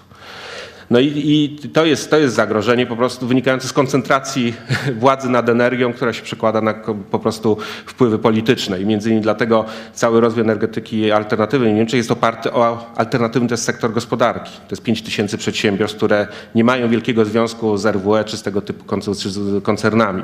Prawda? No w Polsce jest troszeczkę inaczej i następuje nieustanna koncentracja tego sektora. Trzy największe polskie firmy to są firmy energetyczne, PGE, Orlen prawda, i PGNiG. No i pytanie o, o, o konsekwencje też, też polityczne takiego modelu rozwoju. Też myślę, że warto było roz, rozważyć. A na koniec, w związku z moją deklaracją na początku, że jestem chemikiem, jako chemik wierzę w rozwiązania chemiczne. Bliskie mi są tutaj e, koncepcje, nie wiem, e, takich noblistów jak Walter Kohn czy, czy Georgi Olach, którzy jednak wierzą, że słońce i, i nowe technologie związane chociażby z, z, ze sztuczną e, fotosyntezą, nad którą no, pracuje między innymi Olach właśnie, jednak zmienią tutaj dosyć radykalnie ten kraj. No, czy się uda? Oczywiście nie wiemy, no, ale, ale i pieniądze i olbrzymie talenty są tutaj zainwestowane i jak mówię, ja trzymam z nimi. Dziękuję bardzo. Proszę Państwa, chyba już nadszedł czas na, na pytania, dlatego że już mamy 15 po prawie siódmej. E, Proszę o skrócenie pytania do maksimum jednej minuty, jeżeli można to krócej. Proszę bardzo. Po, po pierwsze, tak jak jedna czy dwie krótkie uwagi, a potem jedno i, czy dwa pytania. Kiedy panowie mówili o tej dacie przypuszczalnego włączenia elektrowni jądrowych w Polsce, to przypomniał mi się krążący od niedawna dowcip, jak to Donald Tusk pyta odpowiedniego, sugeruje odpowiedniemu ministrowi, może przejedziemy się teraz auto, autostradami, a on mówi oj tam, oj tam. Więc przypuszczam, że kiedy będzie hasło włączmy teraz energię jądrową w roku 2030, czy którym tam odpowiedź będzie oj tam, oj tam. E, Druga uwaga, panowie sugerują debatę społeczną. Czy to nie jest tak, że społeczeństwo do tego problemu y, nie dorosło w sensie y, wiedzy? Ja się tym interesuję troszkę, ale amatorsko zupełnie i, i nie czułbym się, mimo tego, że wyrażam jakieś opinie, kompetentny, żeby w poważnej dyskusji wziąć udział. Społeczeństwo, jak widzimy, nie radzi sobie już z wyborami odpowiedniego rządu, więc nie wiem, czy akurat wybór energii, typu energii jest, polityki energetycznej jest tu dobrym pytaniem dla społeczeństwa. Jeszcze jedna, jeszcze jedna uwaga. Tu któryś z panów powiedział, to już zupełnie z innej beczki, polityczna uwaga, y, że y, energia jądrowa wiąże się z niebezpieczeństwem, tak to było chyba ujęte, y, bomby jądrowej. Ci, którzy się tym interesują, będą pewnie wiedzieli, że posiadanie broni jądrowej zwiększa bezpieczeństwo w danym, danego rejonu. Przykład Indie, Pakistan. Stabilizacja wzrosła tam. Pytania teraz. Czy polskie, polski przemysł, polscy eksperci są w stanie wybudować bezpiecznie te elektrownie. To był ważny, wa- bardzo ważny punkt. Patrząc jak nam idą autostrady, wątpię w to. E, Po drugie, czy zgodzą się panowie w świetle tego, co sami mówiliście, że e, nasza obecność w Unii Europejskiej e, szkodzi nam energetycznie? Nie mówię o integracji europejskiej, ale o obecności w Unii Europejskiej. Czy, się, czy potwierdzicie to? Dziękuję. Dziękuję. Proszę bardzo. Ja może odpowiem na te pierwsze trzy kwestie. Data 2020 czy 2025. To zależy, jakie pytanie zadamy. Jeżeli zadamy pytanie, czy do 2020 roku można zbudować e- e- elektrownię jądrową i włączyć ją do sieci, odpowiedź jest tak, można. W Chinach, w Japonii, w Korei elektrownie jądrowe buduje się w ciągu czterech lat, czasem nawet krócej. Do tego, jak doliczymy ten proces przygotowania do budowy powiedzmy pięciu lat, to akurat lądujemy na 2011, teraz kiedy jesteśmy, więc można. Pytanie, czy w Polsce pierwsza elektrownia będzie włączona do sieci w roku 2020, to jest zupełnie inne pytanie. Bo na to się nakładają te wszystkie ryzyka, o których mówił pan Bendyk. Ryzyka społeczne, ryzyka polityczne, ryzyka administracyjne i tak dalej. I tutaj, tutaj no, nie podejmuje się po prostu wróżyć z fusów. Na pewno można to zrobić. W optymalnej sytuacji można. Czy zrobimy? Nie wiem. E, Czy, czy debata społeczna jest w dobrym momencie? Tu się absolutnie z Panem zgadzam, że, że zanim rzeczywiście zaczniemy się poważnie pytać społeczeństwa, to bardzo duża praca przed nami do wykonania. Musimy e, zwalczyć wiele mitów, przekazać bardzo wiele informacji, bo ludzie się czują bardzo zagubieni, co było bardzo wyraźnie widać po, po, po, po, Fukushimie, kiedy ludzie byli targani zupełnie sprzecznymi e, informacjami. Gigantyczna praca przed nami, żeby rzeczywiście społeczeństwu te informacje dostarczyć. I wreszcie kwestia, kwestia bomby. No te dzisiejsze elektrownie jądrowe buduje się specjalnie tak, żeby one się nie nadawały do wyprodukowania bomby, więc nie ma obawy nawet, że jeżeli Francja, Stany czy Korea sprzeda reaktor do jakiegoś niebezpiecznego kraju, to oni tam go wykorzystają do zrobienia bomby. Po prostu się nie da. To są inne technologie. Proszę bardzo. Y, Ja tylko do tej kwestii y, związanej ze społeczeństwem. No, to jest, pamiętamy, była taka wypowiedź, że no, jak nie, społeczeństwo nie zdało egzaminu, trzeba je rozwiązać i wybrać nowe. No, mamy taki system, jaki mamy, jest demokracja i musimy zaufać społeczeństwu. E, bo będziemy więcej płacić, jeżeli tego nie zrobimy. To znaczy, jeżeli przeforsujemy jakąś decyzję wbrew, prawda, ukrywając pewne fakty, nie prowadząc dialogu, to za 5-10 lat będziemy znacznie więcej płacić, wyłączając na przykład czynną instalację, prawda, no bo, bo mamy doświadczenie krajów europejskich, które właśnie jakby no, z różnych względów e, te, takie decyzje e, podjęły i to, to są dopiero koszty i problemy. Także ja myślę, że, że powinniśmy zaufać, nie ma powodu uważać, że, e, no, że się do tego nie, daje, nie, nie nadaje. Tylko to jest kwestia rzeczywiście prowadzenia debaty w warunkach racjonalnych, w, w sytuacji pełnej informacji e, dotyczących właśnie tych, tych zagadnień, o których tutaj mówimy. Dziękuję. Dziękuję. Było pytanie o Unię, czy to Więc ja osobiście tutaj występuję jako naukowiec, fizyk i, i dyrektor Narodowego Centrum Badań Jądrowych i w tym zakresie mogę się autorytatywnie wypowiadać. A myślę, że tutaj zanudzanie państwa moimi jakimiś prywatnymi wy- wynurzeniami politycznymi to byłaby dla państwa strata czasu. Dziękuję. E, Proszę następne pytanie. Ja jestem kompletnym ignorantem w tej dziedzinie. W związku z tym prawdopodobnie moje pytanie będzie dosyć naiwne, ale pytam przez ciekawość. Y, Ponieważ w tej chwili jest bardzo dużo projektów różnych ekologicznych budynków, które nie tylko są w stanie wyprodukować energię dla siebie, ale również wyprodukować energię na zewnątrz. Jest również bardzo dużo takich drobnych projektów. Ja często wchodzę na stronę MIT i tam są różne właśnie takie drobne projekty, w jaki sposób można wyprodukować energię tak czy inaczej. Czy gdyby te pieniądze, które się chce, aha, i, i takich po prostu inwestycji się nie robi, ponieważ no nawet te ekologiczne domy, one są bardzo drogie. Czy ktoś to policzył i czy gdyby na przykład zainwestować pieniądze, które chcemy zainwestować y, w elektrownie jądrowe, przeznaczyć na przykład na dofinansowanie tego typu budownictwa, czy w ogólnym bilansie nie byłoby po prostu no, bezpieczniej i taniej? Dziękuję. Dziękuję. Proszę. Więc przede wszystkim pani nie jest ignorantem, tylko pani jest obywatelem tego państwa, tego społeczeństwa i to jest pani święte prawo zadawać tego typu pytanie. I, i pani, i każdy inny obywatel powinien się domagać od polityków, od ekspertów, od mediów, żeby im dostarczały danych, wiarygodnych materiałów do tego, żeby mogli sobie sami odpowiedzieć dokładnie na takie pytania, które pani zadała. To jest bardzo dobre pytanie i tego typu liczby państwo powinniście mieć łatwo dostępne.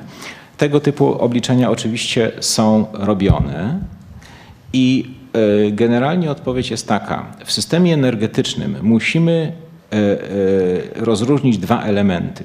Taką stałą bazę, która zapewnia nam to, że, że, że, że ta energia zawsze płynie do przemysłu, do naszych mieszkań i taką nadbudówkę nad tą bazą, która może się zmieniać od czasu do czasu, jej może być, może nie być, ona nam pomaga zatykać różne dziury i tak dalej. I oba te elementy są tak naprawdę niezbędne. I nie można powiedzieć, że my zrezygnujemy z jednego albo z drugiego. Musimy mieć jedno i drugie. Musimy mieć te wielkie gigawatowe elektrownie, i musimy mieć te drobne elektrownie, małe, gdzieś małe źródła energii, te inteligentne budynki, które same będą wytwarzały energię. Obydwa elementy tego systemu są absolutnie niezbędne i w obydwa musimy inwestować. Dziękuję. Czy pan kró- Króciutko, bo, bo tutaj e, rzeczywiście pojawia się, e, polecam chociażby opracowanie profesora Popczyka, taka koncepcja jednak e, no, troszkę tak jak 20 lat temu niespecjalnie przewidzieliśmy internet i ten model jakby przepływu informacji, komunikowania się, tak dzisiaj się mówi o rozproszonych systemie energetycznym opartym jednak na, na, na właśnie mniejszych źródłach połączonych inteligentną siecią, które no, są stabilne. Tak? Znaczy, ta nauka o sieciach też się intensywnie rozwija i, i pokazuje, że można, znaczy, zwłaszcza Niemcy w tej chwili najwięcej inwestują w, w zarządzanie takimi modelami i się okazuje, że to, to, to daje się bilansować i uzyskać tę stabilność systemu, chociaż to nie jest proste. To jest, to jest dopiero wcz- wczesna faza, więc ja bym nie przekreślał tej mo- możliwości odejścia jednak kiedyś od konieczności budowania wielkich y, systemów energetycznych, chociaż nie dałbym sobie uciąć głowy w tej chwili, że to się stanie. Dziękuję bardzo. Może jeszcze ze dwa pytania. E, Agnieszka Grzybek-Zieleń 2004. Ja chciałam się odnieść do wystąpienia pana profesora Grzegorza, Grzegorza Wrony i chciałam zapolemizować z takimi trzema mitami, które w tym wystąpieniu się pojawiły. Po pierwsze z mitem taniej energii jądrowej, po drugie z mitem e, bezpiecznej energii jądrowej i po trzecie z mitem budowy elektrowni jądrowej jako komercyjnego przedsięwzięcia. Zacznę może od tego trzeciego mitu. Nigdzie na świecie elektrownie jądrowe nie zostały wybudowane bez wsparcia państwa. Zawsze to się działo z udziałem środków publicznych albo poprzez to, że państwo dawało gwarancję i ubezpieczało kredyt i te koszty były ponoszone przez podatników. Tak samo będzie w, w Polsce w przypadku budowy elektrowni jądrowych, dlatego że kredyty wzięte na budowę elektrowni będzie trzeba ubezpieczyć i gwarancją y, i gwarantem tego ubezpieczenia y, będzie państwo. Pan w swoim wystąpieniu wspominał o tym, że koszt paliwa do elektrowni jądrowej stanowi tylko 5% kosztów wytworzonej energii. E, I być może tak jest w tej chwili, ale wiemy, że uran nie jest paliwem, nie jest nośnikiem energii nieodnawialnym. Te złoża kiedyś się skończą. To, że w tej chwili to paliwo jest stosunkowo tanie, zawdzięczamy temu, że pochodzi ono z, z, ze zgromadzonych zasobów po podpisaniu przez państwa traktatu o nierozprzestrzenianiu broni jądrowej.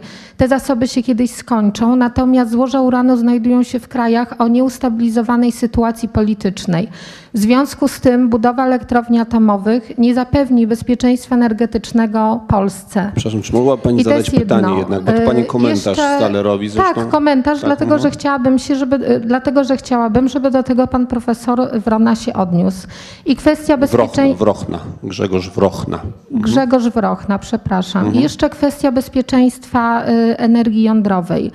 Y, Tutaj nie można patrzeć tylko przez pryzmat katastrofy jądrowej, taką jaką oglądaliśmy w Czarnobylu, czy byliśmy świadkami w Fukushimie, ale to jest też kwestia bardzo dużego ryzyka, jakim obciążony jest, jakim obciążony jest transport paliwa do elektrowni jądrowej, a także składowanie odpadów radioaktywnych.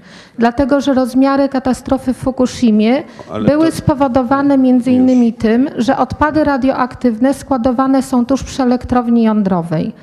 Y, W Olkiluoto w Finlandii jest budowana elektrownia niezakończona. już- już Do tej pory było czas, jeśli 3000 można. awarii. To- chciałabym się, żeby do tego odniósł się pan profesor Wrochna.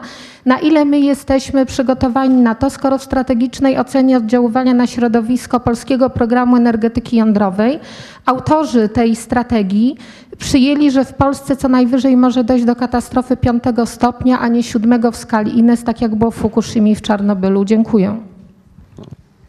Szybciutko odpowiadam. Je, jeżeli chodzi o, e, jak to pani nazwała, mit energii jądrowej, to nie ma co patrzeć na prognozy, na spekulacje. Wystarczy popatrzeć na to, jakie są e, koszty w e, krajach, które tą energię produkują. Francja sprzedaje prąd z elektrowni jądrowych po 40 euro za megawattogodzinę. W Niemczech za prąd z farm mors- morskich trzeba płacić 190, więc praktycznie 5 razy więcej. Francja jest jednym z krajów, gdzie prąd jest najtańszy. Dania, gdzie mamy głównie wiatraki, jest jednym z krajów, gdzie prąd jest najdroższy. Po prostu wystarczy popatrzeć, ile gdzie prąd kosztuje. E, Pytanie e, drugie dotyczyło, zaraz gdzieś tu sobie zapisałem, już mam. Powiedziała Pani mit o bezpiecznej energetyce jądrowej. Ja się zgadzam, że, że, że to jest, jeżeli tak to ujmiemy, to to jest mit. Jak powiedziałem, nie ma czegoś takiego jak bezpieczna energia. Są tylko urządzenia, które można dobrze i źle zrobić. I to, co Pani wspomniała, transport i składowanie. Można składować niebezpiecznie, można składować bezpiecznie. Można transportować niebezpiecznie, można transportować bezpiecznie. Obecnie kontenery, w jakich się przewozi e, paliwo jądrowe, czy też wypalone paliwo, One wytrzymują testy takie, że pociąg się rozpędza do prędkości tam 150 km na godzinę i wali w betonową ścianę. Pociąg się rozsypuje w drzazgi, pojemnik zostaje nienaruszony. Polecam na YouTubie takie filmiki do obejrzenia, więc tutaj e, e, zagrożenia specjalnego nie widzę. Jeżeli chodzi o to, czy to są komercyjne przedsięwzięcia, to są komercyjne przedsięwzięcia. Rzeczywiście one korzystają z gwarancji państwowych, ale gwarancje to nie są konkretne pieniądze, które są które są e, e, wydawane. Natomiast e, wsparcie rządowe w różnych krajach, także w Polsce, dla tych technologii tak zwanych odnawialnych kosztuje nas wszystkich. My już wszyscy za to płacimy. Ja dostałem niedawno takie pisemko, prawda, od mojego dostawcy prądu, nie będę mówił jakiego, że informujemy, że od 1 marca 2001 wprowadzamy nowe ceny energii- elektrycznej. Zmiana jest efektem zwiększenia obowiązku zakupu energii pochodzącej ze źródeł odnawialnych i wzrostu jej cen. I tu jest mowa o 7% każdego miesiąca. A ile mamy tych źródeł odnawialnych na razie? Tyle, co kot napłakał. I już płacimy 7%, 7% więcej. Wreszcie uran. Y, To nie jest prawda, że uran jest obecnie w krajach nieustabilizowanych politycznie, chyba że za takie byśmy uznali y, Kanadę czy Australię, bo tam jest akurat w tej chwili, czy, czy, czy- Argentynę powiedzmy, bo tam jest akurat go najwięcej jest w kilkudziesięciu Czy krajach. najwięcej jest w Kazachstanie chyba. Jest, jest, jest, jest w kilkudziesięciu krajach świata, jest go do wyboru, do koloru i rzeczywiście dzięki temu jest tani. Tak jak powiedziałem, gdybyśmy go eksploatowali tak jak dzisiaj, prawda, business as usual, może 60, może 100 lat, może 200 mamy czasu na opracowanie nowych technologii.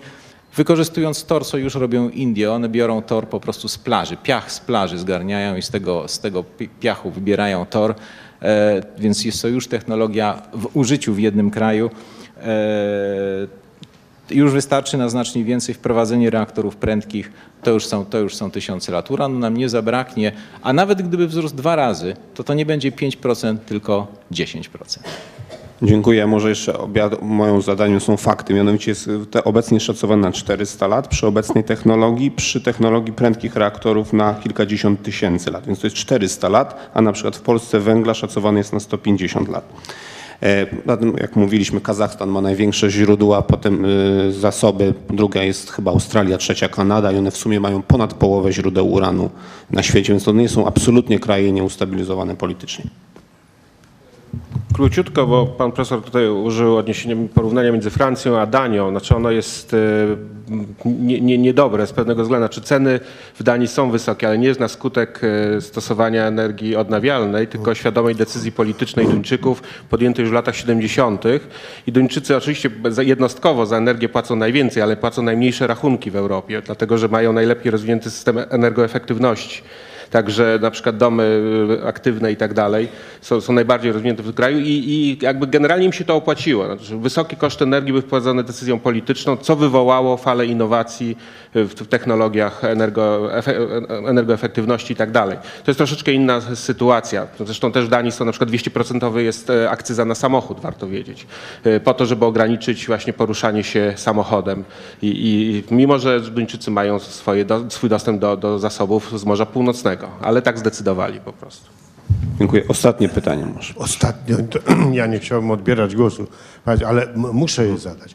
Dlaczego w wypowiedziach wszystkich trzech panów nie pojawił się termin gazyfikacja węgla? Kilka lat temu był w Polsce taki program rządowy, jeśli dobrze pamiętam. A jako humaniście to ta technologia wydaje mi się też wysoce humanistyczna i tęsknię do niej. Czy panowie mają coś do powiedzenia? Proszę bardzo. Rzeczywiście e, jest to bardzo obiecująca metoda, bo wtedy nie trzeba tego węgla z tych e, e, pokładów bardzo głębokich wydobywać, nie trzeba tam górników wpuszczać. E, Nie mówiliśmy o tym pewnie dlatego, że w tej chwili nie ma rozwiązań technologicznych, które nadawałyby się do zastosowania w takiej perspektywie czasowej, o jakiej mówimy tutaj, rok 2020, rok 2030, ale oczywiście prace są kontynuowane, są nawet bardzo ciekawe pomysły pewnej synergii e, węglowo-jądrowej, mianowicie, żeby reaktory jądrowe e, wykorzystywać nie tylko do produkcji energii elektrycznej, a ciepło po prostu do morza, prawda, czy, czy w powietrze, tylko żeby to ciepło właśnie z, y, wykorzystywać do różnorodnych procesów chemicznych, w szczególności do gazyfikacji węgla. Takie prace w tej chwili są y, dość, dość, poważnie, dość poważnie prowadzone. I e, no, może w roku 2040 to już będziemy mogli o tym poważnie myśleć, ale nie w skali 2020-2030. To, to nie jest odłożone na półkę? Prace trwają, między innymi Główny Instytut Górnictwa y, nad tym działa w ramach dużego programu europejskiego i, i, to jest tylko, że to, to, no to jest technologia w fazie y, przynajmniej w naszych warunkach geologicznych badawczej, nie, nie, nie, jeżeli mówimy o podziemnym zgazowaniu węgla, nie, nie, nie naziemnym, bo to jest oczywiście opracowane, ale, ale nie specjalnie jakby likwiduje inne problemy związane wtedy z wydobyciem węgla. To może jeszcze jedno pytanie już na koniec. Ktoś... To już Tak, proszę bardzo. y, odnośnie k- z kosztów cen. Y, Chodzi mi o to, czy energia wiatrowa jest droższa przy dodaniu opłat y, karnych za CO2 do węgla,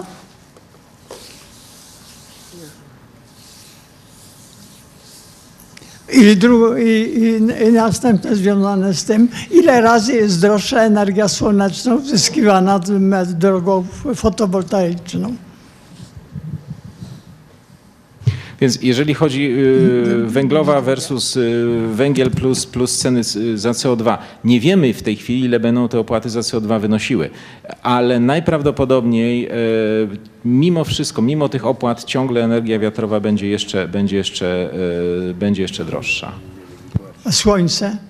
E, Tutaj Ile razy w tej chwili sprawność, w tej chwili sprawność ogniw jest na tyle mała, że to jest czynnik kilka. To, to, to może No być niedawno pięć, było może być- pięciokrotnie. No więc, więc mniej więcej na tym poziomie jesteśmy i tu rzeczywiście potrzeba by pewnego przełomu technologicznego, nad którym się pracuje, o którym, którym pan Bendyk wspominał, żeby to, żeby to istotnie zostało zmniejszone. Więc ja tutaj byłbym optymistą. Ja myślę, że ten przełom on kiedyś nadejdzie i nie obawiałbym się tutaj, e, znaczy nie wydaje mi się, że tutaj nie ma perspektyw na obniżenie ceny energii słonecznej. Tu raczej barierą będzie to, że powierzchnia którą musielibyśmy pokryć ogniwami, żeby stanowiło to istotną część naszego bilansu energetycznego. Po prostu ze słońca energii przylatuje tyle, ile przylatuje i 100% nie przekroczymy. I teraz zasadnicza sprawa. Czy Polska nie powinna iść drogą pośrednią między Francją a Niemcami? Niemcy, pro, nie, przepraszam, Niemcy proponowali nam podłączenie się do rury, prawda? Y, Czy, y, czy biorąc pod uwagę, że w przyszłości może będziemy mieli gaz łupkowy, czyli automatycznie przestawienie się później z gazu importowanego na gaz łupkowy byłoby, że tak powiem, stosunkowo prostym rozwiązaniem. Proszę, a energia uzyskana z węgla byłaby po- powiedzmy tylko uzupełnieniem, czyli z jednej strony elektrownie jądrowe, z drugiej strony gaz. Przede wszystkim. Dziękuję. Ma pan absolutną rację, dokładnie w tym kierunku się idzie. To jest kwestia, czy jednego będzie 50, drugiego 30, trzeciego 20%, czy odwrotnie. Może podam dokładne dane, bo mamie akurat pokazywałem tę tabelkę. W, przy uwzględnieniu 30, 30 dolarów za tonę CO2 y, energia jądrowa na przykład w Belgii kosztuje 6,1 centa za kilowatogodzinę, a wiatr na lądzie 9,6. Wiatr na morzu dużo więcej. E, Powiedzmy Francja 5,6 energii jądrowej, to jakoś nie, a, to, to działa, tak? To widać tutaj, widać tutaj, to jest wiatr na lądzie, dlatego że wiatr y, na morzu kosztuje dużo więcej niż to, co jest tutaj powiedziane. Więc to uwzględnia 30 dolarów za tonę CO2. E, Proszę Państwa, niestety tu jest koszt inwestycji i koszt tego tak zwanego decommissioning, czyli rozebrania tego. Mam pytanie, Pan- panowie podkreślają tamność e- energetyki atomowej, mam, y, ale równocześnie mówią o tym, że 60 lat jest y, amortyzacja takiej elektrowni. Do tej pory było 40 lat. Y, y, Ja, ja tu widzę jakąś y, nielogiczność. Kto ubezpieczy, kto będzie w ogóle brał pod, odpowiadał będzie za te powiedzmy po przepracowaniu 40 lat tej e- elektrowni atomowej za, za stan bezpieczeństwa. 40 lat dla zwykłej elektrowni węglowej to już jest czas, który ona musi skończy swoją y, żywotność, to tutaj y, koszty zmęczenia materiałów, materiałów w przypadku elektrowni atomowej są zupełnie nieporównywalne. Jak rozumiem, mamy już z- 40 lat chociażby japońskie elektrownie działają w Stanach dłużej, w Rosji dłużej, więc wiemy jak się zachowują te elektrownie, wiemy mniej więcej jak te nowe materiały się zachowują. Także to nie jest czas amortyzacji, bo czas amortyzacji normalnie to jest czas zwrotu zainwestowanego kapitału, zainwestowanego kapitału, uwzględniając prawda, jakieś 5% powiedzmy odsetek, więc to nie jest czas amortyzacji w tym sensie. To jest czas życia technicznego gwarantowanego przez producenta. To jest 60 lat, a nie amortyzacji, bo w tym sensie, prawda? E, ale to jest uwzględnione tutaj, więc e, oczywiście to są szacunki. No jak zawsze tylko szacunki możemy mieć do dyspozycji. Proszę Państwa, no niestety czas nasz się kończy. Jak, Tutaj pytanie jeszcze do pana Grzegorza. E, Dlaczego Ale- energetycy jądrowi e, nie uwzględniają w statystykach ofiar e, katastrof e, elektrowni atomowych takiej grupy jak likwidatorzy?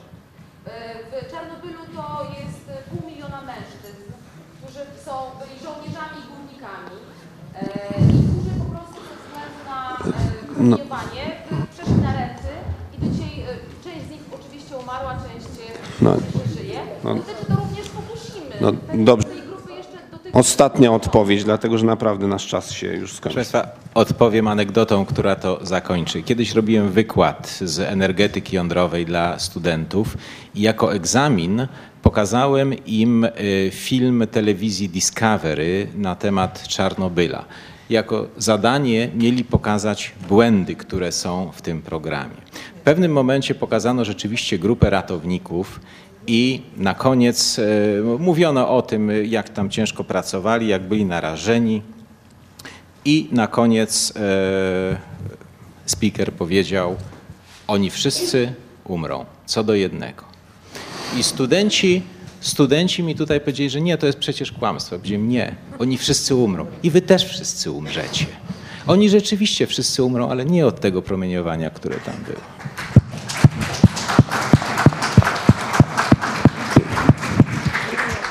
Dziękuję bardzo. Proszę Państwa, no jak widać tutaj debata, nawet nasza, no, ma różne punkty widzenia. Bardzo trudno nam jest przywiązać wagę do różnych stwierdzeń. Mam nadzieję, że podejmiemy właściwe decyzje w najbliższej przyszłości o tym, jak ma wyglądać e, nasza energetyka i z jakich źródeł, na jakich źródłach się opierać. Dziękuję Państwu bardzo.